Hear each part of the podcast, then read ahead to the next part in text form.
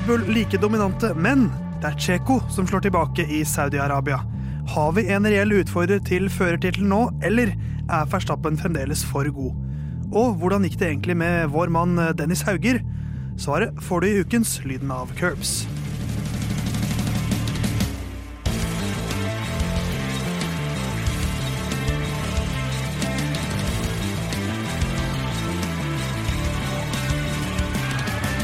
Ja, ja, ja. Runde to, check. Den gikk til Tsjekko. Vi skal prate mye om det i dagens Lyden av Curbs, som er programmet du hører på akkurat nå. Det er altså podkasten du hører på akkurat nå. Theis er stemmen som du hører på akkurat nå. Jeg sitter bak spak, ikke klaff, eh, og styrer teknikken og sendinga i dag også.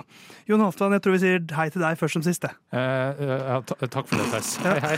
Bare så vi får unnagjort det verste først. Ja. Nei da. Det verste er jo meg. Og du er Eh, nest verste.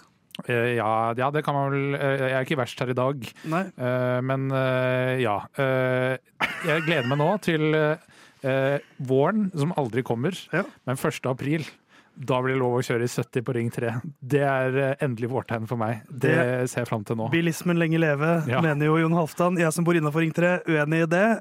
Men Herman, du er her også. Du elsker bil, og du elsker også å være litt sjuk. Ja, eh, Eller først- pjusk, som du kaller det. Ja, først og fremst pjusk. Um, jeg har gått rundt, brukte de siste timene på jobb i dag til Ja. å gå rundt og si at i morgen kommer jeg til å være sjuk. Jeg kjenner på meg at i morgen kommer jeg til å være sjuk. Så nå sier jeg det også til dere og til lytterne. I morgen kommer jeg til å være sjuk. Ja, men for jeg har, jeg har en liten høne å plukke med deg, Herman. Mm. For n- du, du er eh, Når du er pjusk, så kjenner jeg ingen som sår mer tvil rundt egen kalender enn deg. Nei. Eh, du sår ekstremt mye tvil. Det var ikke sikkert du skulle komme i dag, og kreditt til deg. Ja. Du sitter her nå. Ja. Men Men Ja. når Alex Albon fjerner blindtarmen, da skal han rett inn i Formel 1-bilen! Da, Ja, men- de- da skal de kjøre med en gang! De, de, han er dødssyk, og da det er ikke, Nei, de må kjøre! De må kjøre, må være tøffe nå. Og når du er litt pjusk, så er det ikke måte på hvor var- lite du skal gjøre. James, jeg er litt usikker på om jeg kan kjøre i Australia om to uker, for jeg er litt pjusk. jeg føler meg litt pjusk. Det var Ja. deg som problemfører. Ja, det er riktig, men jeg hadde, jeg hadde alltid møtt opp og alltid kjørt. Ja, men du hadde klaget. Så. Ja da, jeg hadde sådd tvil, og hele apparatet måtte vært i gang. Og vi må uh, sjekke inn med Vi må ha med ekstrafører ned her, og vi må passe på og alt det der. Det hadde alltid vært et apparat i full sving, men uh, jeg hadde alltid kjørt. Ja, men selvinnsikten er Den skal du ha. Ja da, ja, men jeg er umåtelig pinglete når det kommer til er. Ja, Men du sitter her nå, og det er tross alt det viktigste. Dette er den 47. sendingen, eh, 47. episoden av Lyden av Curbs. Eh, og som jeg, jeg, jeg har voldsom medvind for tiden på disse funfactene mine. Hva har han skrevet seg sjøl igjen? Ja, eh, Sergio Perez leda 47 av 50 runder okay. i Saudi-Arabia. Og dette er episode 47 av Lyden av Curbs. Hvem leda? Sergio Perez. Ja, Eller. Tsjekko, som du kaller han. Ja. ja, ja, nei, det var ikke det at jeg trodde han Har du glemt at Alonso leda på starten? Det er ikke det at jeg trodde han sa feil, eller at det var sånn. Jeg bare rett og slett hørte ikke. Nei, ok. Nei, det er det sikkert var Han har pjusk, vet du. Ja, litt i i øret. Ja. Um, Lyden av Curbs i dag skal handle mye om Saudi-Arabia. Så tenkte jeg at vi, når, vi først, det først er 21. mars, så kan vi nevne at det er uh, i dag så hadde Arten Senna blitt 63 år gammel hvis han fortsatt hadde vært i live. Han døde jo 1. mai i 1994, født uh, 21. mars. Eh, Så han hadde blitt 63 år gammel i dag. Det er litt eh, trist å tenke på. Men eh, vi skal ikke prate for mye om triste ting i dagens Lyden av Curbs, eh, håper jeg. Vi skal fokusere på eh, Saudi-Arabia og Formel 2. Er det noe mer vi skal gjøre, Herman? Klage litt? Syte litt? Ja, det He- Heie litt? Jeg vil jo kanskje si at det er litt triste ting, da. Saudi-Arabia-løpet. Og så skal jeg prøve å prate litt om Landon Norris sitt, eh, sin helg. For vi har en ny spalte som minner litt om det vi holdt på med i desember. Der vi Mm. driver og oppsummerer ulike føreres sesong, gjorde vi da. Jeg skal oppsummere Landon Norris på en eller annen fiffig eller foffo måte. Eh, For det var du der hjemme som stemte på Instagram-avstemningen vår. Eller Herman, da, som ga tre stemmer til altså- mitt alternativ. Avstemninga var klokkeklar eh, i ditt favør. Var den ikke det? Nei, det var jo samme antall stemmer på oss to. Og du, og du, du ga min alternativ to stemmer med to forskjellige kontoer. Men hvis vi trakk fra mine eh, to til eh, Herman og én til Theis også, Ja. så endte vi opp på at det ble Theis. Så nok en gang er jeg fanget i en konflikt mellom dere to, og jeg tar støyten. Men eh, nei, skal vi dundre i gang, Herman og Jon? Ja. Og Theis? Ja, Theis. Da gjør vi det.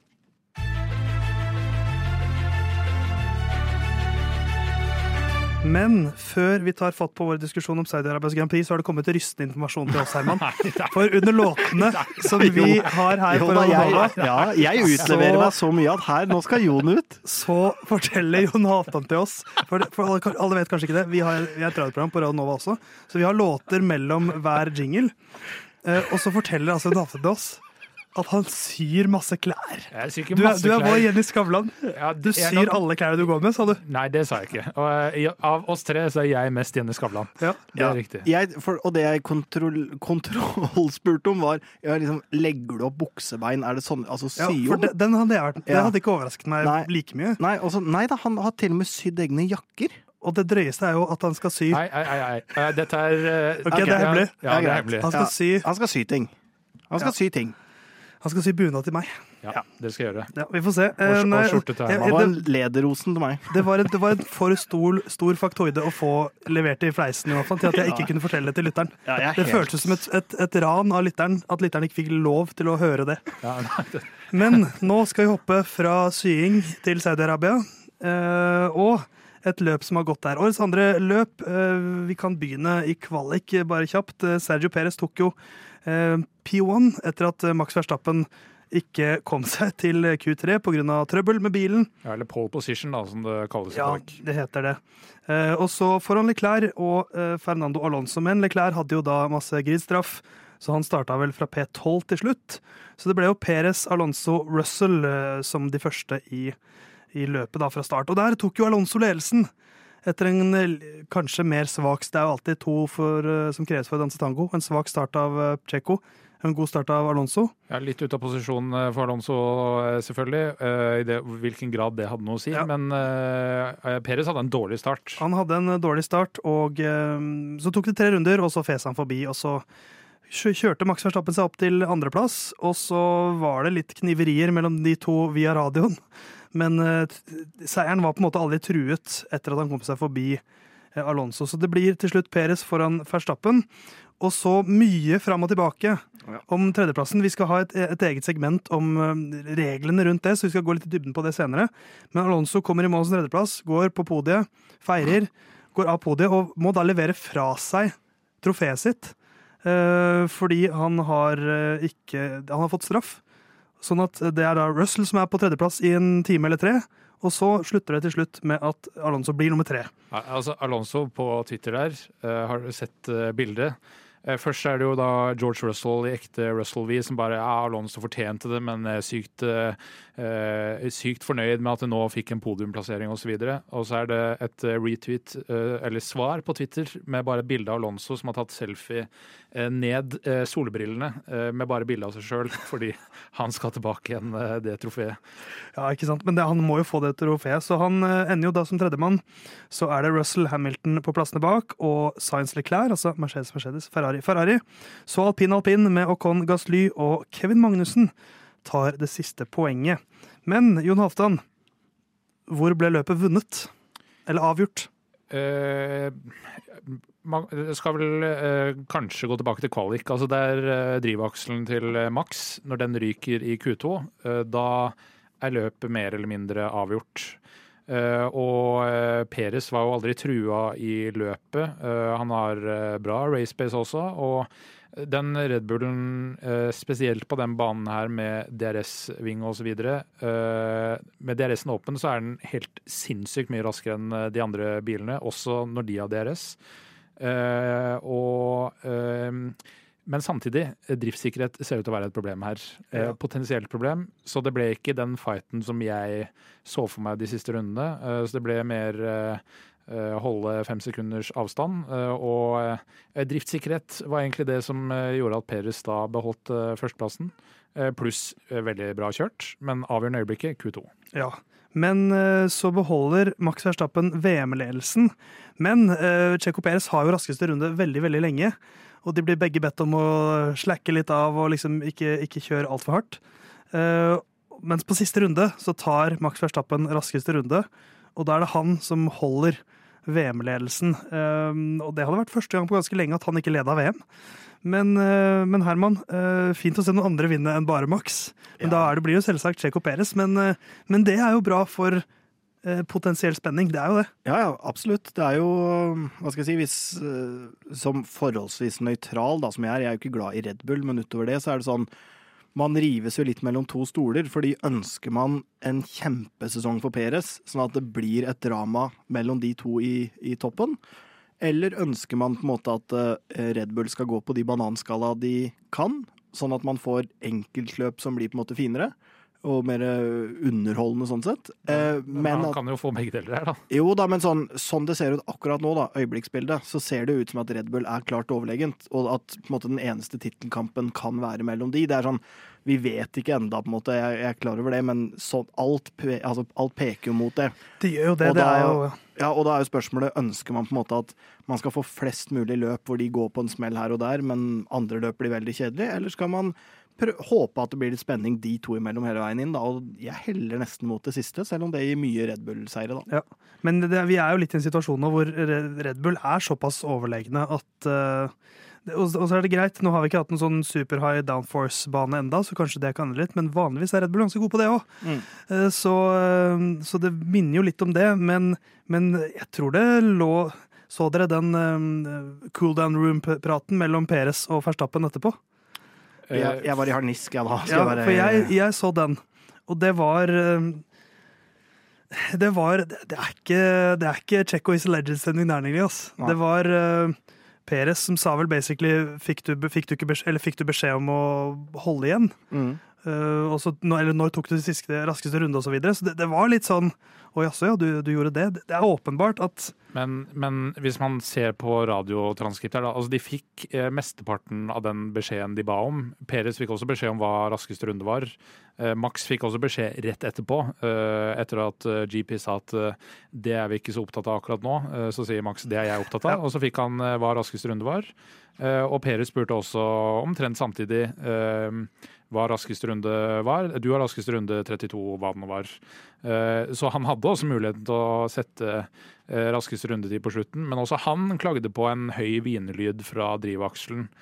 Så det, det, var problemer med begge bilene, sannsynligvis. Eh, det er et eller annet i girkassa drivakselen som eh, byr på utfordringer for Red Bull. Jeg syns det er litt haussa opp, den der diskusjonen de imellom. For på radioen så var det liksom Det var det samme. Ja, ja det er enig Og det, det ble misfor, Peris misforsto hva som ble sagt på radio osv., for han fikk en deltatid. Og så fikk han en ny deltatid, og så sa de ja, hvorfor sa du 33 nå? Nei, ja, men jeg sa jo 32,6, osv. Så, videre. så uh, Peres har ikke så mye å være sur over nå. Nei, men, men uh, for jeg, jeg, jeg, tenker mer på liksom deres personlige forhold, for nå mm. er det jo nå, nå ja, Den brant jo opp i Brasil i fjor. Jo, jo, jo, men nå virker vi enige om at Red Bull har en klart overlegen bil, og da vet jo både Max Verstappen vet at hvem er den ene som kan utfordre han i år? Det er Sergio Perez. Og nå er, den situasjonen har ikke han vært i før hvor han er en VM-kandidat samtidig som han har en lagkompis som er hans største utfordrer. Tidligere har det vært eh, Hamilton han har kjempa mot. Mm. Eh, eller Leclerc tidligvis i fjor. Nå er det hans lagkompis som er utfordreren. Og det endrer jo dynamikken enda mer i negativ retning. Ja, altså, Du uh, ser jo antydning til starten på en litt sånn Hamilton-Nico Rosberg-periode, og det syns jeg uh, Det er fantastisk. Ja, altså Det isolert sett, når det ikke er noe konkurranse fra uh, førerne bak, så vil det bli spennende. Eh, Red Bull har ikke måttet håndtere det her siden uh, Fettel og Mark Webber uh, 2012 var vel liksom det var et spørsmål om hvem som var Der er vi! Der er vi, der er vi. I 2013 så var Fettel så suveren, og etter det så har det ikke vært noe. Eller 2011, for den saks skyld. Altså, poenget er Nå faker du. poenget er Red Bull har ikke måttet håndtere det her på veldig, veldig lenge. De hadde Ricardo og Verstappen. Det håndterte de dårlig i 2018. Uh, og nå, når det i tillegg er eh, et uh, lag, altså at de er så suverene i front, det er tittelen de kjemper om, da skal det bli spennende å se hvordan den dynamikken blir. Joss Verstappen er jo det rasshølet han alltid er. Unner jo ikke noen noe, med mindre de heter Max. Og Just, han, han havna liksom midt i, i moshpiten der, ja. rett ved siden av moshpiten. Så står altså Joss Verstappen, faren til Max, og ser altså så klein og sur ut. Ja. Sånn påtatt sur. Ja, ja. Men jeg syns også det er verdt å nevne Jeg har jo et horn i sida til, til, Red Bull. Eh, og det samme har eh, for så vidt eh, supervikar Ole Røsvik, som jo var ganske nærme å måtte bidra her, han eller Andreas. Eh, med min eh, pjuskere. Ja, med fjerde pyskheten. Men der er det jo Det har gått litt på Twitter nå, og Ole som sendte til meg, at eh, eksempel da når Mercedes var foroverlegne, så var jo intervjuer hvor Horner ba Fia rett og slett om å redde sesongen i frykt for at Mercedes skulle vinne hvert Grand Prix, alle de tinga her. Og så er det sånn, ja, jeg, jeg, er fullstendig klar over at stort sett alle i idretten er rasshøl, og jeg syns bare Horner er et litt større et. Men, men, nå går det jo da eh, sitater fra Toto Wolff som på en måte går ut og sier at det her er noe Red Bull fortjener, for de har gjort en såpass mye bedre jobb at det er noe de fortjener, og de har gjort en god jobb. Det har ikke Mercedes, da, og da må de ta seg sammen. og jeg er klar over at, eh, jeg skjønner at Toto Wolff ikke er en, en helgen, og at han ikke har noen eh, negative sider, men jeg syns bare den, hele den oppførselen til han har, han har, noen negative ja, sider. Ja, det vet jeg. Og hele den oppførselen til særlig Horner, og da mye av de som er i Red Bull, den, den syns jeg er tafatt. Og det, liksom, det, ser man når Mercedes, som er så kraftig slått, uttaler seg nå om dagen. Ja, og så er det Horner er jo altså Toto Wolff er jo på en måte både Dr. Marco og Christian Horner. Han har jo litt begge jobbene. Ja, etter Nika, mens, Nik, eh, Niki Lauda uh, ja. gikk bort, så er det blitt sånn. Mens Christian Horner er jo egentlig bare en fyr som loller rundt. og skal, uh, Han skal selvfølgelig lede og gjøre ting, men han har litt mindre ansvar enn Toto Wolff. Så han kan, han, han kan, jo oppføre seg på en litt annen måte, kan han ikke det, Jon? Ja, det er jo det, Dr. Marco som bestemmer. Det ryktes jo at Marco er uh, ikke så fornøyd med nye ledelsen i Red Bull. Nei, ikke sant. det er det, det skjedd. Så Horner er en mektigere Red Bull-figur nå enn det han var bare for noen måneder siden. Det er bare å frykte fremtiden, altså?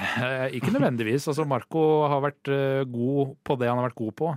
Uh, han er kanskje enda mer ærlig i det han sier. Men det er alltids alltid lett nå å kunne si at det unner man Red Bull fordi man vet at man også kan bruke at det gjorde ikke Horner da vi var store. Og Horner eller Toto Wolff var veldig sutrete forrige sesong. Eh, når det gjaldt eh, porpoising. Det fikk de løst, men fikk også trumfa gjennom 15 mm høyere gulv, som har ødelagt for en del lag, inkludert Ferrari og Mercedes. Ja, men, men, så kom jo også da uh, Mercedes, når de gikk inn i sin periode, så kom jo de fra en Red Bull-dominert periode igjen. Ja, ja, sånn at det, det, går i bølger, men på en måte sånn, skal man ha min respekt, i hvert fall. Og jeg ser på meg sjøl som en ganske sånn den jevne sport, ja, Men da skal historieboka være rein, da. Ja, men da, Jevn og pjusk. Ja, men da må, føler jeg eh, altså vinn på en måte med stil, og tap med stil. Da, ja. da er det er komplett. Og, Prinsipielt enig, ja. og så skal ikke jeg dømme, dømme eller felle dom over hvem som er hva. Nei, det, den ser jeg. Men uh, vi må nevne Checo Perez sitt rykte. Han tar sin femte seier som uh, Formel 1-fører. Uh, fire av dem har kommet i Red Bull. Alle på street circuits. Den første i Aserbajdsjan i 2021 vant Monaco i fjor og Singapore, og så vinner han Saudi-Arabia, som er jo en, en, street circuit. Selv om den på en måte ikke er det, så har den viben til en street circuit. Ja. Er han så god som eh, resultatene tilsier, eller er det at Verstappen har vært uheldig hver gang? Som jo han faktisk har. ja, altså, det er jo både òg, da. Altså, uh, Peres er jo en veldig, veldig god fører. Uh, på sannsynligvis et nivå under uh, Eh, Louis og Max og Charles og Lando, det nivået der. Men her sånn, i en bil som han også får til å kjøre bra. og Helmut Marco sier at han har jobba med mye av svakhetene han hadde med forrige sesong. At nå er det han enda litt rundere, da. Han kan kjøre flere typer biler. Så er han jo god. Men ja, i, i Baku i 2021 så røyk jo dekket til Max. Eh, I Monaco så sørga han jo for eh, sjøl, eh, bevisst eller ubevisst, kommer an på hvem man spør. Han klarte å stanse kvaliken. I Monaco. Og i Singapore, da husker jeg ikke hva greia var. Det var laget som fucka Max i Q3, ja. som gjør at han starta fra åttendeplass. Og, og så starta han litt dårlig. Så han var nede på P12 etter starten. Ja. Så da var det jo litt vanskelig. Og på Jeddah uh, i, i, år så vet vi hva som skjedde. Ja. Um, men har vi en tittelkamp her da, Herman? Nå, nå leda jo Peres virtuelt helt i siste runde, egentlig. I VM-sammendraget. Ja, uh, vi må nyte den nå, mens vi har litt spenning. Skal jeg være ærlig, eller skal jeg liksom snakke opp produktet? Uh, vær ærlig, du. Ja, nei, vi har ikke det. Nei. Har vi det, Jon Halvdan? Er det et snev av tittelkamp? Ja. Ja, det, det syns jeg. Vi, Eh, vi, det, alt som skal alt som må til nå, er, Max er jo den mest talentfulle, det er vi vel enige om. Mm. Men hvis han har to dårlige løp der nå, i løpet av de tre neste, så plutselig leder Tsjekko med 30 poeng. Ja, da, altså Hvis han bryter to eller tre ganger mer enn Tsjekko, Ja, Det skal ikke mer til. så, er det- så vil det være tight sånn det ser ut nå. For det er ikke mer enn syv poeng mellom første og andreplass. Og Og er- hvis Peres alltid er på andreplass, så mye Mm. kanskje tyder på. Og Det er på en måte der frustrasjonen til Max kommer fra, er driftssikkerhet eh, med bilen. Fordi det var sånn det starta forrige sesong. Han var eh, sur da også, men nå er det en såpass suveren bil at dette skulle jo eh, vært en eh, walk in the park hvis Mm. ikke Peres var der, og hvis bilen var hel. Jeg skal faktisk gi en eh, liten kudos til Max også, for jeg, jeg fulgte veldig spent med på når han gikk ut av bilen i kvalik når, eh, når bilen var ødelagt, om det blei noe sånn teite ansiktsuttrykk eller sånn slå rundt seg eller altså sånn, men eh, moden oppførsel tok eh, på en måte kvalikresultatet med fatning, og det, det syns jeg er bra. Det syns jeg også er bra. Vi eh, holder oss med fatning og fortsetter å se litt på de bak eh, det aller beste laget nå.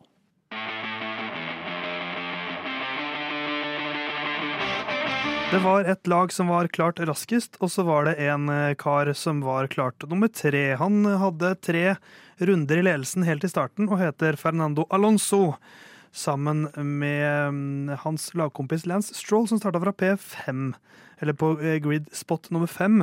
Så de, de har nok en veldig, veldig bra helg. Eh, Men samtidig så er det noe skjær i sjøen, for eh, Lance Stroll fullfører ikke med motortrøbbel.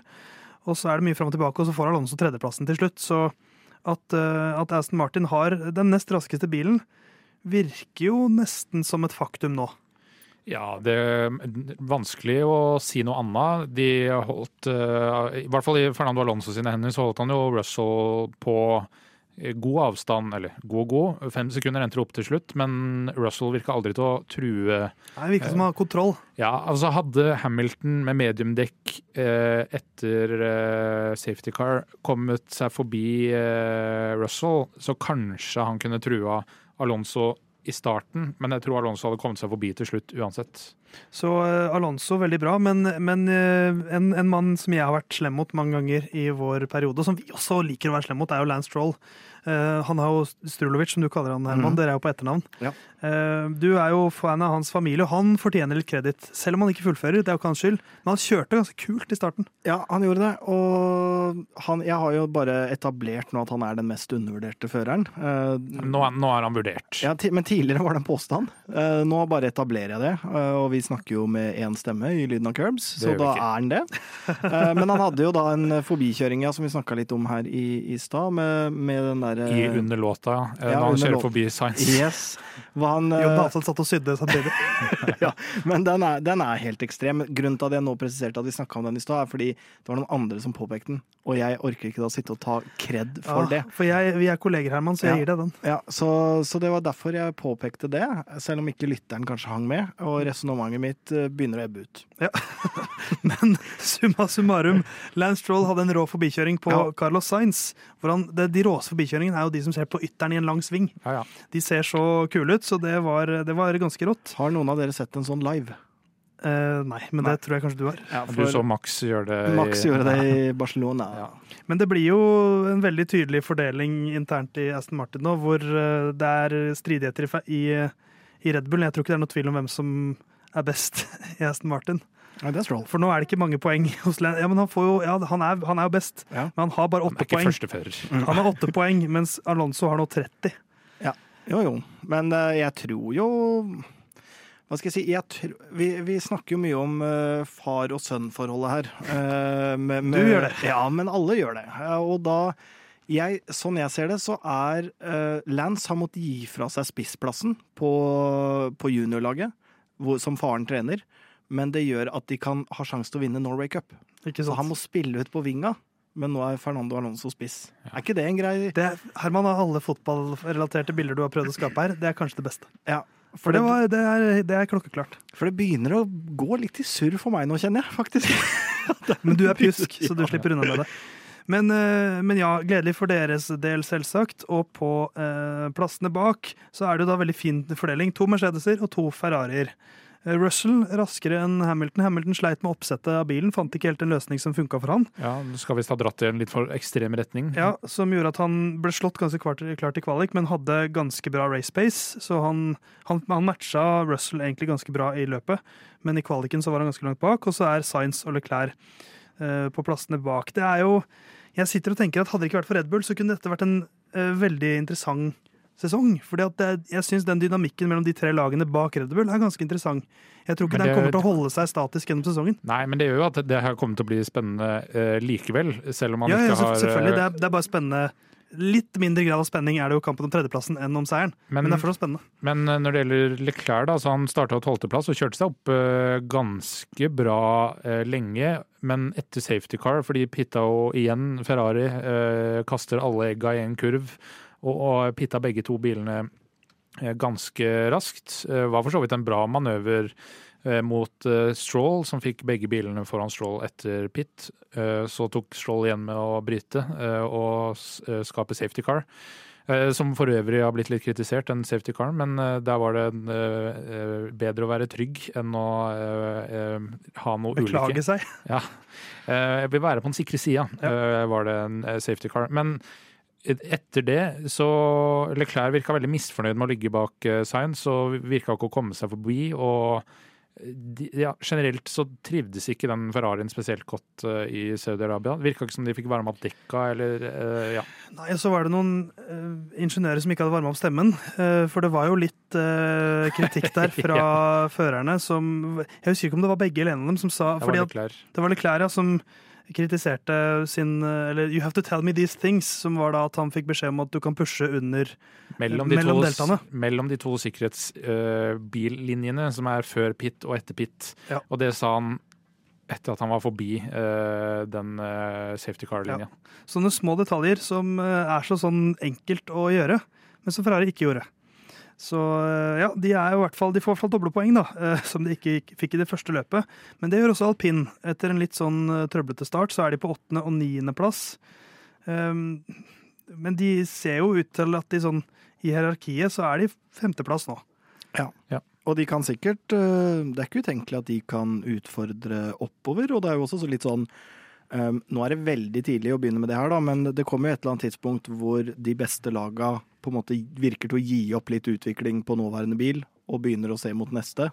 Uh, Spørsmålet er jo selvfølgelig om det skjer på et eller annet tidspunkt som gjør at alpin kan fortsette å knipe poeng, og kanskje ta en, øh, en plass i, i sammendraget, da. Men, Det- øh, men de ser veldig etablerte ut bak der nå. Men det er jo helt sikkert at Ferrari kommer til å gjøre strategiske blundere i løpet av sesongen. Altså Det gjør de jo hver sesong. Uh, og ikke de alene om det, men uh, det vil være mulig for alpin å komme seg forbi uh, Ferrari på dager de gjør eh, dumme ting, og Mercedes på dager der bilen funker dårlig. Ja, og så når det gjelder Ferrari og de blunderne, så syns jo Altså, man kan fint snakke om de der småtinga, og den, at ikke den radiobeskjeden ble gitt og sånne ting, er jo ganske håpløst. Men jeg syns jo det er en liten skandale hva de må ha gjort med bilen sin sånn utviklingsmessig. Fordi Ja, det òg. de, De, var, jo på sporet av noe i fjor. De var jo virkelig veldig gode. Ja, sånn som Mercedes er jo på en måte De er jo der de eh, var, mens Ferrari har jo hatt liksom en voldsom tilbakegang i forhold til hva man kunne forvente de løpa her, da. Og Aston Martin har jo selvfølgelig gjort noe helt sprøtt, men, men den, den endringa liksom Aston Martin har fått til positivt, den har jo på en måte nesten Ferrari gjort i negativ måte, og så er Mercedes stabilt dårlig. De var, jo, de var jo kanskje bedre enn altså de var jo bedre enn Red Bull enkelte ganger i fjor. I starten av sesongen. Så, Ja. og så, eh, sånn som i Østerrike, så var det jo helt enestående. Eh, Og så tapte de jo litt terreng, men, men mens Red Bull har skutt fart, så har de bare stått stille. Ja, mm. men vi- var vel så vidt inne på det eh, forrige episode, med endringene de har gjort, at de skal ha høyere topphastighet. eh, og det koster igjen eh, hvor gode de er til å ta vare på dekka. Jeg vet at jeg sier det ofte, men det er viktig i Formel 1. Det er det og 2012. Det og 2012. Men, eh, men uansett, altså så eh, er det en siste fuck you fra uh, Mattia Binotto, kanskje. Eh, det, det er rare ting som skjer i Ferrari, eh, både i offseason, men også En ting er blunderne, ja, men også sånn overordna lange linjer-ting gjør de eh, går de ned rare ruter. Kanskje Binotto har gjort sånn som Rudolf Blodstrupmoen gjør i, i, i Flå- Flåklypa, at han har kappa opp en del av bilen. Ja, Så trenger de en Ludvig som kan pushe den opp. Ja, for nå er det jo, nå er det på tredje Control Electronics Ja. uh, i bilen, så du får to av i sesongen til eh, Leclerc. Matti har vært her framme med sirkelsagen, tror jeg. Mm -mm. Du er ikke med på sånn humor, du, Jeg hater Flåklypa. Vet du hva, Herman? Det er nesten nok til å kaste deg ut av podkasten. Det er så Det er som å si at du hater Ja, vi elsker. Nei, det gjør jeg ikke, men jeg hater Flåklypa. Ja, jeg hater deg nesten Herman. Men vi kan jo hylle en annen skandinav eh, enn Ludvig. Men Kevin Magnussen tar det siste poenget her. For ditt kjære has, Herman. Mm. Eh, og det, det syns jeg var en kul fight mot slutten. eh, kampen om, eh, om det siste poenget. De var jo Eh, fire biler der. ja. Uh, Show Guan Yu, Nico Hylkenberg, Yuki Sinoda og Kevin Magnussen i ganske intens eh, kamp.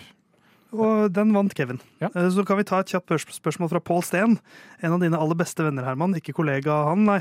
Er Sunoda en toppidrettsutøver? Ref Try to Survive. Eh, Nå syns jeg vi kan si det. For Yuki har blitt ganske god, syns jeg. Ja, men Og han har jo, og det virker som han også har altså I den nyeste sesongen så virker det som han skjønner at jeg må trene. Ja da, det er jeg enig i, men samtidig, på det tidspunktet hvor han ikke trente mye, så er det sånn eh, Jeg skjønner jo hvor Pål skal hen her, min Ja, ja. gode venn. Ja. Eh, Men, eh, men samtidig sånn Ja, han var jo en toppidrettsutøver da også, men om han er liksom en stereotypisk 24-timersutøver med fokus på egentrening og kosthold, det, det var han jo ikke. Det er ikke sikkert han er det nå heller, men toppidrettsutøver syns jeg ikke vi kan ta fra han da. Litt sånn som at Northug eh, er jo toppidrettsutøver, men jeg tror ikke det liksom var treninga først og fremst han likte.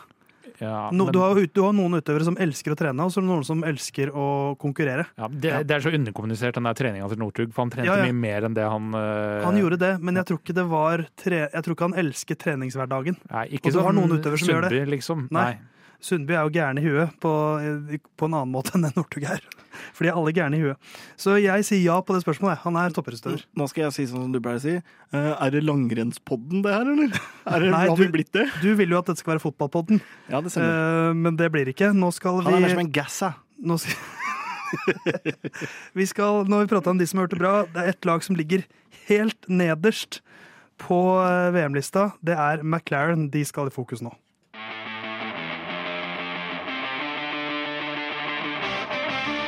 Det helt nye konseptet i Lyden av Curbs, som egentlig vi hadde med i desemberopplegget vårt, og vi hadde eh, julekalender, er jo at vi skal oppsummere eh, helgen for eh, enkeltpersoner på en litt sånn veldig fri måte. Det er veldig åpent for kreativ frihet, har jeg hørt rykter om i hvert fall.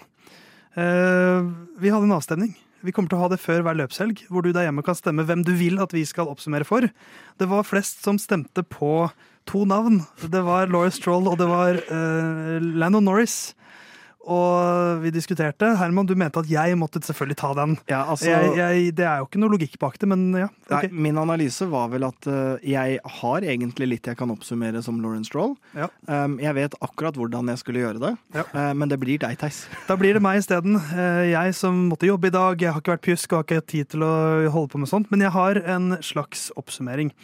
Um, så jeg Jeg satt meg ned og tenkte litt, og så gikk jeg gjennom eh, Lando Norris sine resultater. Før årets sesong så hadde han aldri vært lavere enn P15 i noe løp. Og nå har han to ganger P17 på starten av årets sesong. Som er, vil si, dette har vært hans to dårligste løp eh, som Formel 1-fører. Um, så jeg har egentlig bestemt meg for at istedenfor å liksom snakke om hvordan det gikk med han, så har jeg 17 ting jeg har mer tro på enn Lando Norris og McLaren etter Saudi-Arabia Grand Prix. Altså 17, da. Ja, ja, fordi at det skulle være 17. Ja, Så det blir en lang liste, dette, men jeg, hver gang jeg skal snakke om Lando Norris, så blir det jo langt. det gjør det. Så dette er 17 ting jeg har mer tro på enn Lando Norris og McLaren etter Saudi-Arabia Grand Prix. Jeg har mer tro på at Herman er med på samtlige Lyden av Curbs-episoder i 2023. Jeg har mer tro på Norsk Ulv sine sjanser dersom Senterpartiet får rent flertall. Jeg har mer tro på at Jon Halvdan ikke nevner 2012-sesongen igjen i 2023. Jeg har mer tro på at Arbeiderpartiet har store sjanser i høstens valg. Jeg har mer tro på at det kritisk utrydningstruede svarte neshornet får status som livskraftig igjen. Jeg har mer tro på at sjaman Durek innrømmer at, han at, han, eh, at alt han holder på med, bare er tull. Jeg har mer tro på at jeg skal bestille Tindalu styrke på indisk restaurant. Og jeg har mer tro på at en Frp-politiker får jobben som justisminister og klarer å holde den. Eh, videre til uh, punkt nummer ni. Jeg har mer tro på at JK Rowling får en redemption ark i løpet av det neste tiåret. Og jeg har mer tro på at Theis ikke kjøper mer Lego i 2023. Jeg har mer tro på at Snåsamannens hender fremdeles er varme. Og jeg har mer tro på at FNs klimapanel sin nyeste rapport blir lyttet til, og verden faktisk tar klimakampen på alvor nå. Jeg har mer tro på Nikita Masabins fremtid i Formel 1. Jeg har mer tro på at eh, kryptovaluta tar over verden. Og jeg har mer tro på bare internettselvhjelpsguruer sånn generelt. Jeg har mer tro på at Louis Hamilton klarer å si hele navnet til Mercedes AMG Petronas Formel 1-team i neste sesong av Drive to Survive. Og jeg har mer tro på at Lando Norris får en imponerende skjeggvekst i løpet av 2023. Enn jeg har på Lando Norris og McLaren etter Saudi-Arabias Grand Prix. Det- Det var de 17, 17 tingene jeg har mer tro på enn uh, Lando Norris akkurat nå. er, 70-tallet. er, er T og V nærme på tastaturet? Ja, det sitter jeg litt igjen med òg.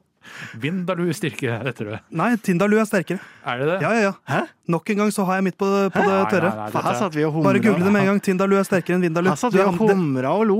var, det, var det derfor dere lo hele Ja. tiden? Vi lo fra, Men da må vi google det. vi lo fra halvparten av greiene og ut. Ja, nei, det Kom igjen, Johansen. Jeg vil høre deg si det, bitch. Jeg vil deg si det. A very spicy Bangladeshi curry. Ja, ja. Å ja, du var på det Men- kjøkken Men det, det er også en styrkegrad på det indiske kjøkken. Kjøkken.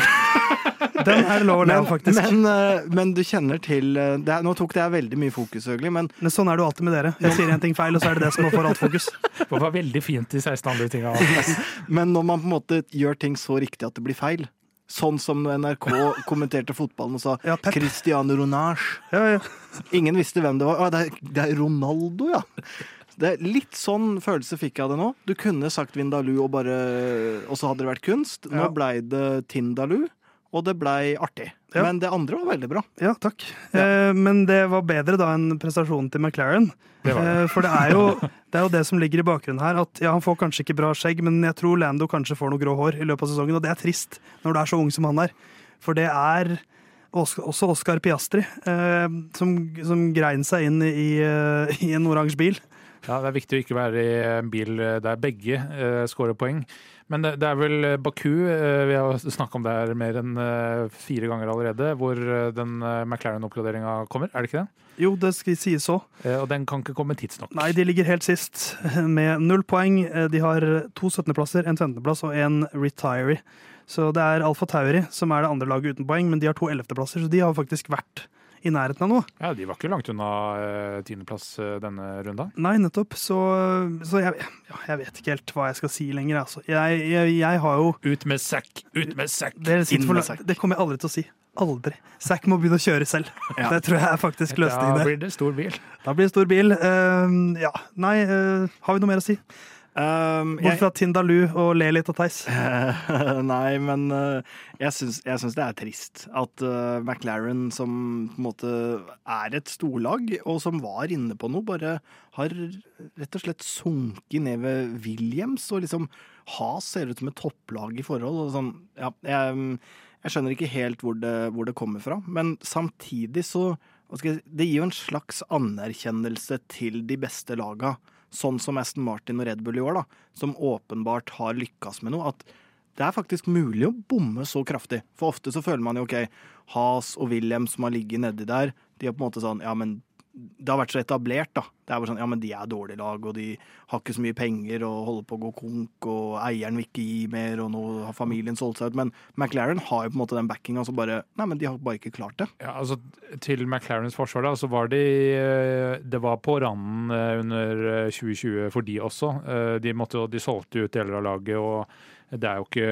en bil med flere sponsorer nå enn McLaren. Men eh, likevel, da. Det, alle laga er mer eller mindre på cost cap nå. Eh, så det er, sant, det er egentlig ikke noen unnskyldning eh, pengemessig.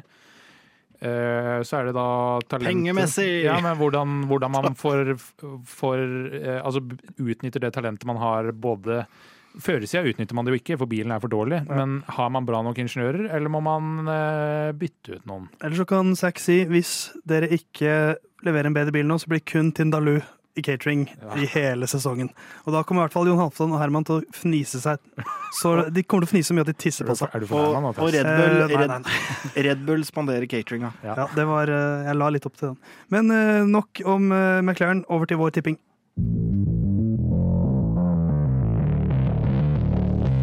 Og da er det ikke snakk om Q-tipping, sånn som du holder på med, Herman. Det er vår faktiske Formel 1-tipping. Vi tipper de tre beste i hvert Formel 1-løp, også ukens sjuking. Og Jon Halvdan, du har noen resultater til oss. Kan du gå gjennom uh, topp tre først, kanskje? Å ja, Herman, jeg sa det ikke helt riktig.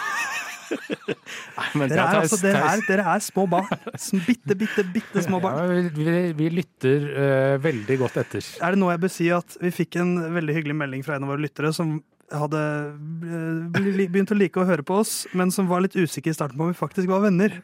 Og jeg vet vi spøker mye med at Herman er bare vår kollega, men jeg ser på Jon Halvdan og Herman som to av mine beste venner. Jeg er veldig glad i begge to. Men jeg syns ikke vi skal nevne det. Ja. Nei, men da har jeg sagt det. Dere trenger ikke å si det, for det sitter langt inne for dere. Det vet Ja, jeg. men uh, også er det verdt å påpeke at uh, det å gjøre narr av folk og holde på sånn her, det eh, er på en måte noe av det som Det pakka, det. kan vise kjærlighet i størst grad for min del. For det hadde jeg ikke gjort til andre. Den man tukter, elsker man. Men eh, ja, da eh, skal jeg henge ut Herman eh, litt mer. eh, fordi eh, tippekonkurransen eh, resultatmessig topp tre, det hadde jo jeg og Herman likt. Eh, tipper altså Verstappen, Perez og Alonso. Det ble ett poeng, ett poeng og tre poeng. Fordi eh, Verstappen klarte kun P1. Fem poeng til hver av oss. Eh, og Theis han eh, leverte jo det litt sånn halvgale tipset Leclerc, Verstappen, Hamilton. Men Verstappen P2 gikk jo da inn, Ja, så ja, det ble tre poeng. Sitter den. Eh, og vi hadde jo også da ukens sjuking. Jeg hadde eh, i løpet av helgen lager alle rookiene pluss ankorføreren, altså Oscar Piastri, Nyk Friis, eh, Logan Sargent og Nico Hylkenberg minst ett rødflagg hver. Var det noe rødflagg egentlig i løpet av Det var det i, i kvaliken i Formel 2. Ja, jeg tror ikke det var det i Nei. løpet av Nei, det er sant, det. Det var én uh, sikkerhetsbil. Så den gikk ikke inn. Uh, Herman hadde uh, ingen biler bryter løpet, og begge Williams-bilene på poeng. Eh, begge Williams begge Williams-bilene var ikke på poeng, eh, og én bil brøt løpet. Det var på en måte Ja, det var vel egentlig to, for Alexander Albon eh, fullførte heller ikke. Nei, det stemmer. Så det var på en måte Williams Men han ble Williams klassifisert, da. Ja, men Williams fucka jo opp selv for eh, tipset til både Herman og meg. Ja. Eh, og, for du hadde jo da også doble poeng på Williams og minst åtte poeng totalt. Eh, ingen poeng på Williams eh, og null poeng totalt. Men eh, da blir det en sammenlagt score. Eh, vi starter fra bunn. Herman seks poeng, Theis ni poeng, eh, Jon Halvdan elleve poeng. Så eh, fortsatt jevnt, men to poeng unna. vi ses igjen i Australia.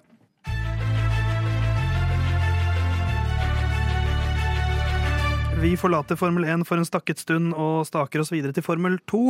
Eh, Det har vært en ny runde i Formel 2, som jeg har sagt mange ganger allerede. Det er en for tung sesong i Formel 2, så de er allerede ganske godt i gang med sin sesong. Eh, Og vi kan jo gå litt gjennom hvordan det gikk. Victor, eh, Victor Martin, som jeg kaller han, tok pole i kvaliken. Ollie Bierman nummer to, og så var Dennis Hauger nummer 15. Um, men så var det en eh, foran han som fikk eh, straff, så han starta fra P14 i sprintløpet. Men en, en kvalik som ikke gikk helt som eh, planlagt. Det var mye rødflagg osv. Dennis var kanskje seks sekunder unna å sette en ny rundetid, som hadde vært hans nye beste runde. Ganske mange sekunder, det, da. Ja, ja, ja, men, men fortsatt ikke veldig mange sekunder. Nei. Så vil si han var sannsynligvis på oppløpet. Men jeg nekter på akkurat det punktet der å si at han var uheldig. Ja, Fordi uh, alle andre hadde satt Altså, det var jo 15 andre som hadde satt en bedre tid, Men og det- det, er udyktig. men det jeg da vil si, er Ja. at flere var uheldige. Ja, absolutt. For man havner jo i en situasjon der uh, i kvalik så er det ofte bra å være den siste som setter en, en tid, liksom, for banen blir bedre og bedre. Men det kommer jo med viss risiko, da. Det- å det gjør det. så lenge. Og, eh, og det hva skal man si, fem minutter tidligere så lå han mye bedre plassert enn det han gjorde i det det kommer rødflagg. Så det blir P15. Men så kommer sprintløpet. Han starter P14 der, som sagt. Eh, Og så skjer det jo en del ting. Safety car, han kommer seg opp til P13. Porcher gjør en ganske stor tabbe. Kjører ut Ollie Bearman eh, og krasjer på runde syv, og da er Dennis opp på P10. Um, ny safety car som varer til løpet er halvveis, så det var mye safety car i sprintløpet. Så havner Dennis litt i et DRS-tog, um, mens det er et ganske kult uh, løp egentlig i kampen om seieren. Så Dennis kommer seg på P9, og så tar han Crawford på oppløpet. Litt sånn som uh, Bottas gjorde med uh, Ocon i et løp i fjor. Jeg husker ikke hvilken bane. Kul referanse. Ja. Men sånn typisk på oppløpet. Så, så hyggelig å høre fra deg. Nei, Bare skyter ned alt jeg kommer med. nei, men Så snakker vi 2012-sesongen da ditt og datt skjedde, men, men føre ingen vet hvem er, og har null relevans. Ja, men det, det, det jeg husker best, er Gasly og Hamilton i Brasil i Kul 2020. Den, den er en annen en, men da Kul klarte jo Gasly å holde seg. Ja, men jeg husker den. Eh, Så vinneren av sprintløpet blir Ayomo Iwasa foran Victor Martin, som også får raskeste runde. Men Dennis tar jo da det siste poenget, som er for så vidt godt, ganske godt å komme seg fra P14 til eh, poeng i sprintløpet. Så, eh, vi kan ta featureløp òg. Der syns jeg det var kult at eh, MP Motorsport eh, var litt dristig på taktikk. Han starta i P15 på Supersoft. Eh, det funka bra. Eh, tre plasser opp på første runde. Eh, og så P11 etter en eh, virtual, virtual safety car. Så har han en ganske fin fight mot Theo Porcher der, hvor han kommer seirende ut av den. Um, og så skjer det ganske mye fram og tilbake, og god taktikk er han plutselig oppe på P8, og når alle har pitta, så er han på P5. Mm. eh, Som blir plasseringen hans til slutt. Han fighta ganske hardt inn uh, mot slutten uh, der òg. Det kunne blitt ny forbikjøring på oppløpet, men det holdt ikke helt inn. Det gjorde ikke det. Men sånn summa summarum så er egentlig resultatene samlet sett ganske gunstige for Dennis Hauge. For Ralf eh, Borsong er den nye lederen, men han har bare poeng fra sprintløpet. Ble nummer fire der. Eh, Theo Porcher, null poeng denne helgen. Eh, Ayomo Iwasa og Fredrik Westy er jo de som har kommet seg høyt opp. Og Jehan Daruvala han herjet jo tidvis. To tredjeplasser denne helgen. Ja. Så han er faktisk nå nummer fem. Men Dennis er jo nærmere førsteplassen nå enn han var før Saudi-Arabia. Så eh, en dårlig kvalik, men han kjører veldig bra i begge løpene. Definitivt. Det er jo, ser jo ut som at uh, kvaliktempo er på en måte svakheten sånn det er nå. Um, og så kan man jo kanskje spekulere i om han liksom Hvis det er så enkelt da som at han har hatt litt høye skuldre og på en måte pusher for mye i kvalik og på en måte gjør litt feil og sånne ting, og det at han har så bra race pace kanskje gjør at han kan senke skuldrene litt, og kanskje da liksom Kanskje en P4 for han eh, å kvalifisere på ja, rundt fjerde til sjetteplass. da, At det er at det er på en måte bra nok fordi han har såpass bra race pace at han kan eh, avansere ytterligere da. Og Ja. at han kanskje kan rett og slett roe seg litt ned i, i kvalik og finne litt mer flyt. Det er i hvert fall en sånn sofaeksperttanke jeg ja. Nå kommer var, jo, nå var jo kvaliken hans i Bahrain på P4, så jeg, tenker, jeg er enig i at sånn, hvis han klarer å holde det nivået Han trenger ikke, han kan kanskje klare seg uten en eneste pole. Mm. Eh, for en P4-kvalik gjør jo faktisk at du får en bedre situasjon i sprintløpet. Mm. Um, og så syns jeg han virker å avslutte løpene veldig godt. Eh, som er litt det vi så i, i hans andre Form 3-sesong. At da var han suverent best til å ta vare på dekkene, som Jon Halvdan liker å snakke om. Mm. Uh, og og han, har, han har kjørt på en mye mer moden måte i de fire løpene så langt enn han gjorde i store deler av fjorårssesongen. Det eneste da, uh, som taler for pole position, er de to poenga det fører med seg. Det er et godt poeng, så det er jo alltid kjekt å ha med seg det. Men, men vi var jo litt sånn irriterte etter Bahrain, hvor han hadde en retiree og en andreplass. Det, liksom, det var så nesten, og så er det litt nesten her også, men samtidig så tar han jo innpå. Uh, Men, men kvaliken, er, ja, altså kvaliken er jo dårligere da, så det er jo åpenbart hvor skoen trykker, da, for det er jo greit å ikke starte bakerst hele tiden. Ja. Men som sagt, hvis han får til flere kvaliker Fordi at ja, kanskje han hadde kommet seg opp på en P8-9, tror jeg, kanskje med, med den runden, som han ikke fikk fullføre. Så kanskje det hadde blitt litt bedre, men fortsatt var det ikke helt høyt qualic pace i, i, i Jeddah for Dennis. Men, eh, men jeg syns det er veldig oppløftende å se hvordan han kjører på. Og nå Ja. er han nærmere enn han var før eh, Bahrain. Så eh, ja, hva, hva blir det i Australia? Det får vi jo vite etter hvert, men, men jeg føler han er på nippet av, av storhet her. Ja, det det, det, Det er jo, det er jo rørende i seg selv. ja, det kan jo være det. Nei, jeg vet ikke. Jeg, Skal vi bare gå videre? nei, jeg har jo en eh, observasjon. Ja, du har en morsom referanse. Ja, en, ja, kall det Jeg vil kanskje si mer enn observasjon, selv om jeg solgte den som referanse til deg på forhånd. Ja, så det var derfor jeg sa det. Beklager det. Ja, eh, men eh, det her ART-laget, eller ART, eller ART, de har gått for en taktikk vi tidligere har diskutert rundt has. Det er en observasjon jeg har funnet Alltid gå for pole. For de har jo tatt eh, Altså begge førerne har jo tatt eh, hver sin kvalik med nesten et sekunds margin. Altså de har vært soleklart raskest på kvalik. Så 0,8 eller noe sånt noe foran de andre. Eh, og det er jo den taktikken vi snakka om med Has, at de må bare bli knallgode på kvalik, og Ja. så skape litt rør foran der. Og det har jo ikke liksom ja, det, jeg syns enkelte ting har peka mot at eh, de først og fremst har hatt en veldig veldig god kvalik, og så har det gått litt mer eh, så som så i løp. Ja, ja. Um, så det er den has-taktikken som jeg vil hylle Formel 2-laget Art for. Fiffig innspill. Mm. Um, jeg syns det er gøy at fire forskjellige lag har vunnet løp så langt. MP er det laget som har gjort det best uten å vinne et løp. Så det er jo typisk. Bra valg. Men det betyr at seieren kommer i Australia, så vi gleder oss til det.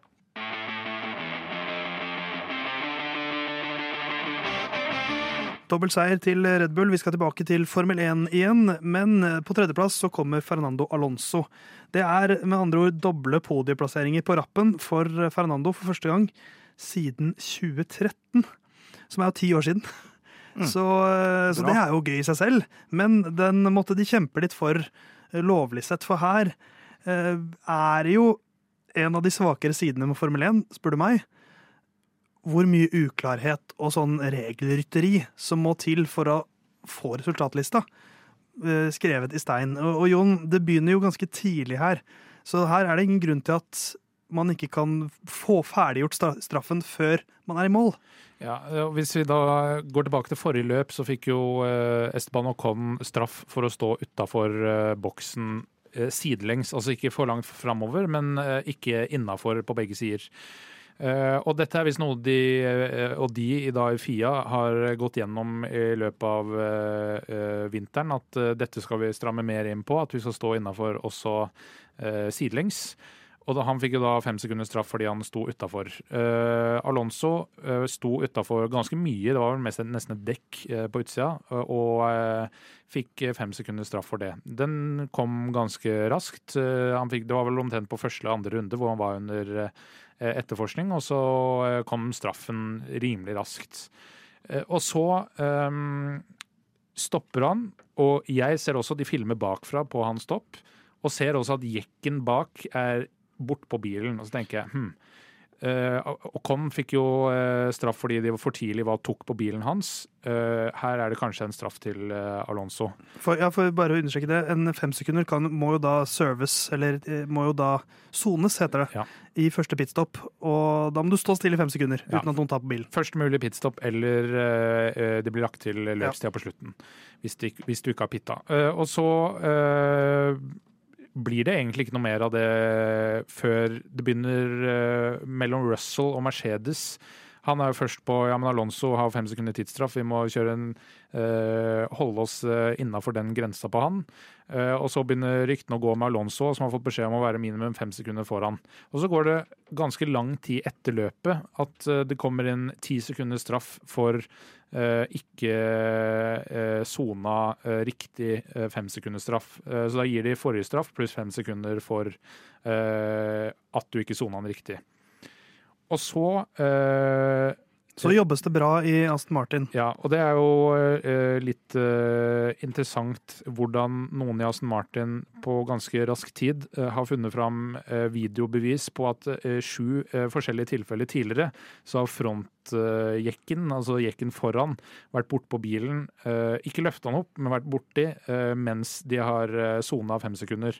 så de har funnet sju tilfeller av det, og da er det på en måte sedvane da, at vi ikke slår ned på det. og prinsipielt er det ikke noe forskjell på en frontjekk og en bakjekk, eh, og derfor uh, slipper de tisekundersstraffen. sekunders straffen. Ja, så det er godt advokatarbeid, rett og slett. Fordi at, og Forjekken brukes jo som regel til å liksom guide bilen litt på plass. Ja. Uh, så bakjekken har jo litt en annen funksjon, eller har jo en, en simplere funksjon, men prinsipielt, i reglene, så er det jo en jekk. Ja, Det kan godt hende at dette nå strammes inn på at ingen jekker får lov å være borti bilen. Om det er mann eller utstyr, så ingen får lov å ta på bilen før det har gått fem sekunder.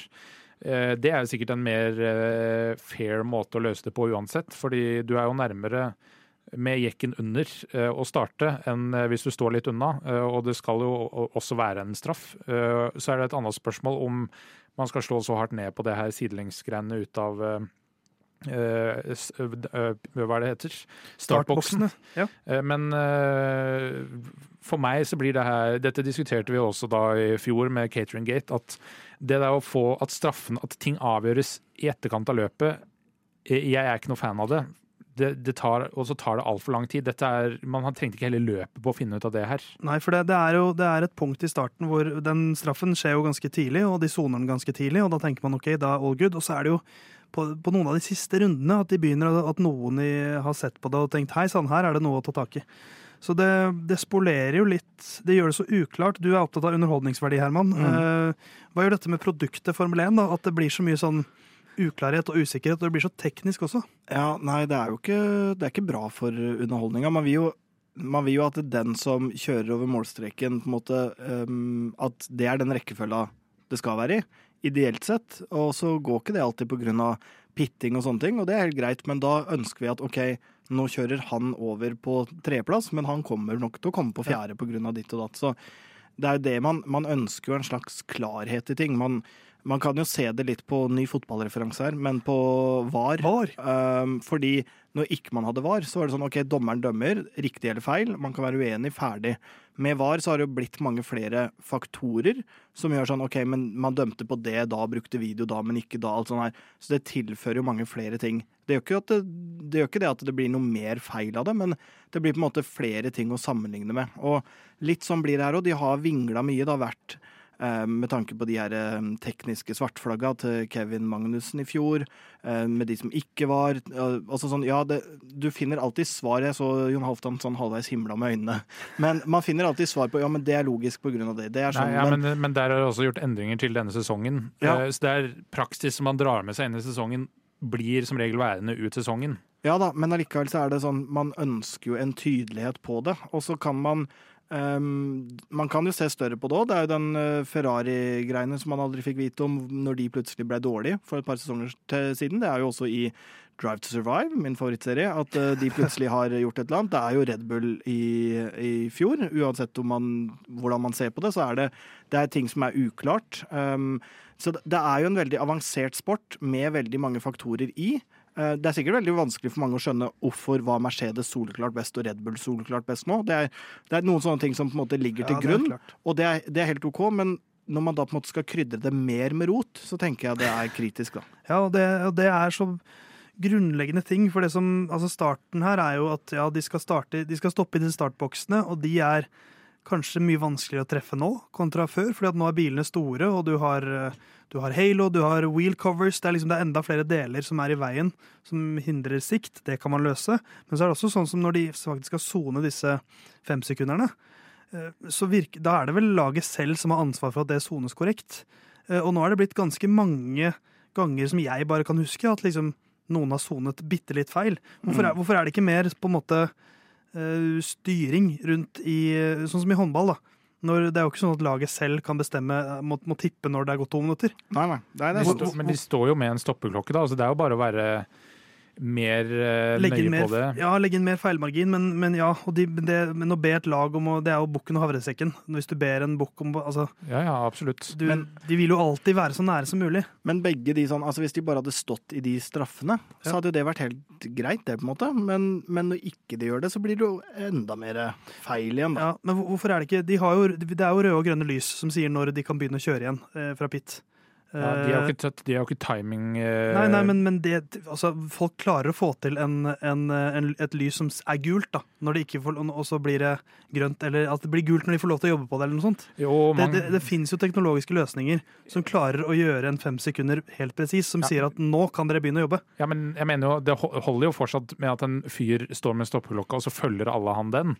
Fordi de lysa i taket. For det første så kan ikke halve laget se det, fordi det er jo beregnet, det er føreren som skal se det. Ja, så det er jo bare rett over han. Ikke, ikke frontjekkmannen, f.eks.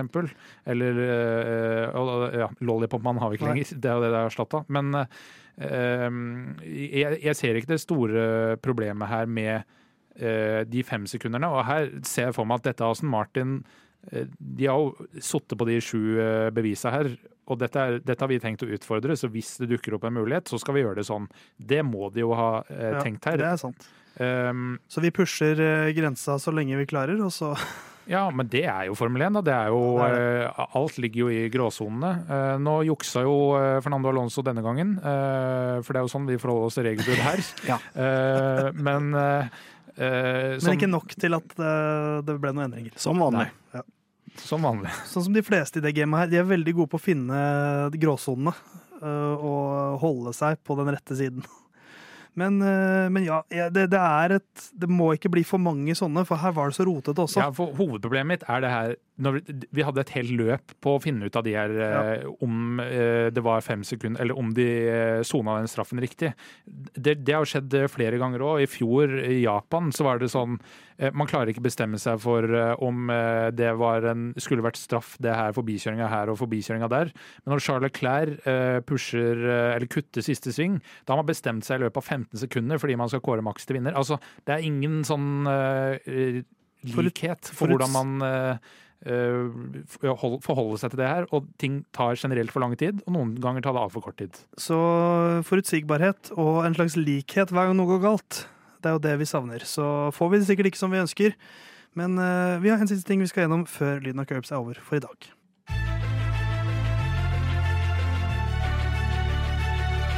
Dagens uh, episode av Lyden av Curbs drar seg mot slutten, men uh, før vi gir oss, så har jeg har med noe til dere gutter. Ok, En, Hva det lit, med en liten gave til hver av dere, som er det samme. Så dere får det samme her. Eh, Jon Halvdan, se her, har jeg, har en hvit pappeske som det er noe i. Så dere kan, dere kan åpne den eh, samtidig. W511 står det her. Det kunne jo vært en, eh, en bil. En Mercedes-bil. Ja. Jeg, jeg har en, en av det dere skal få, har jeg hjemme. Så det er passende at vi har en hver. Det er da isopor oppi esken. Ok, Og her, hva er det det drar opp av pappesken? ja, Dette er jo en pris. Dette er en pris, for Lyden av Curbs har jo faktisk vunnet pris. Og det har vi faktisk ikke snakket om. Årets nyskaping. På eh, Radio eh, Nova sin årlige kåring i eh, 2022 så ble vi sammen med FK Nova eh, kåret til årets nyskapning. Fordi vi har dratt i gang sportsdekningen igjen på Radio Nova, og vi var jo først ute. Så jeg tenker at vi fortjener den mest. Ja. Det synes jeg også. Så jeg sørget for at jeg fikk en til dere også. Sånn at vi alle tre fikk en, en eh, liten eh, statuett hjemme. Så nå er FK Nova ingen, fordi vi har tatt den ene deres. Nei, vet du hva som faktisk skjedde? Nei. Eh, for å kaste folk foran bussen. Det var jo da to stykker som kom opp på podiet. Det var én pris å dele ut. Hun tok den. Så jeg har kjøpt tre stykker jeg selv, på egne penger. Som, som er identiske Ja, ja. til den vi faktisk skulle fått. For jeg okay. tenkte at det her er såpass gøy at vi er prisvinnende podkast. Ja. så da må vi ha en hver.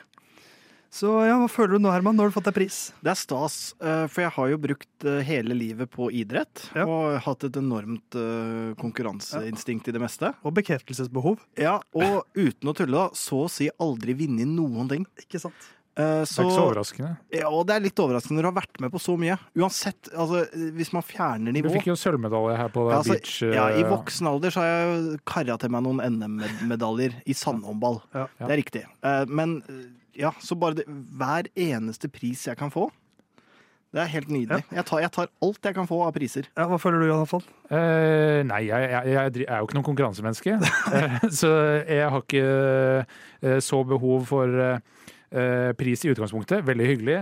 Nå jobber jeg på en plass hvor det er en haug med spellemenn som henger på veggen. Eh, så dette blir jo litt stusslige forhold. Men, Men, du, du kan jo sy en pute til den, eller noe sånt, sånn at du kan eh, sånn at den ser litt, sånn at den ser litt mer fancy ut når den står framme. si en pute til. den. Jeg syns ikke den er dum, men vi må jo takke deg, da, Theis, Ja, tusen du har takk. eh, det var, gitt det her. altså, det var altfor mye. Ja, det var. Nei, men, men vet du hva? Jeg syns det er fint at tre menn som har bikka 30, kan Ja. bli årets nyskapning. Ja, det syns jeg òg. Um, så det, du der hjemme, det er aldri for sent. Det er på en måte budskapet bud, Budskapet, heter det? Ja, Det heter budskapet budskapet. Jeg kommer ikke til å rette på feil eh, Nei. ved deg, i hvert fall. Nei, det, nå har du ikke fått pris av meg, så da Mm. tar jeg den tilbake hvis du, hvis du gjør det.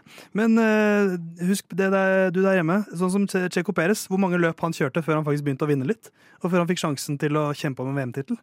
Uh, så kanskje vi er Checo Perez i FN-podkast Norge. Eh, for vi har jo ikke lyttertallene til Max Verstappen. Det har vi ikke. Men du der hjemme kan hjelpe oss i jakten på flere lyttere. Tips en, eh, en, eh, en god venn, og følg oss på Instagram og En perifer, på en perifer TikTok. venn. En du ikke kjenner så godt. Ja. Hvis du har en eller annen perifer venn som du gikk på Mm. videregående med, som du ser legger ut et eller annet Instagram-greier, se på Formel 1-løp i dag, send en DM, da. Og så kan du, kan du bare skrive 'sjekk ut lyden av curbs'. Ja, men det er faktisk et godt innspill, fordi eh, det holder ikke med gode venner. Nå har vi holdt på så lenge at nå, nå må vi få litt flere lyttere, og da må vi alle sammen Ja, pluss at Hvis du skulle tipsa en god venn, så hadde ikke du tipsa oss to. Nei, ikke sant? Så hvis vi har min, i hvert fall hvis vi har mitt syn på hva en god venn er, da må vi nå bredere. Ja. Da må vi mye bredere enn god venn. Da må vi jo bekjente. Det er, altså, man prater jo mye om eh, Formel 1 på jobb og sånt, Mm. så hvis du har kolleger, som vi jo også har, eh, så si at de må følge Instagram-kontoen Lyna Curbs, eller TikTok-kontoen Lyna Curbs. Der kommer det masse videoer på løpende bånd, fordi at eh, hele redaksjonen bidrar. Eh, Så følg oss der. Så er vi tilbake neste uke med mer Curbs. Da begynner vi å tenke litt mer på Australia, gjør vi ikke det? Det stemmer. Så noen siste bevingede ord, Herman. Du skal få syv ord i dag. Uh, heia Langgangen, heia Langgangen, heia Langgangen, heia. Heia, den er ikke dum, den. Jon Aftan, du skal få fem ord. Du klarer aldri å treffe, så vi får se. Tusen takk for pris, Nova. Åh, du kunne sagt heis, men du Ja, sa du Nova. kunne Eh, jeg sier bare takk for oss. Jeg er veldig glad i deg som lytter på. Jeg er veldig glad i deg, Jonathan. Jeg er veldig glad i deg, Herman. Eh, så er vi tilbake neste uke.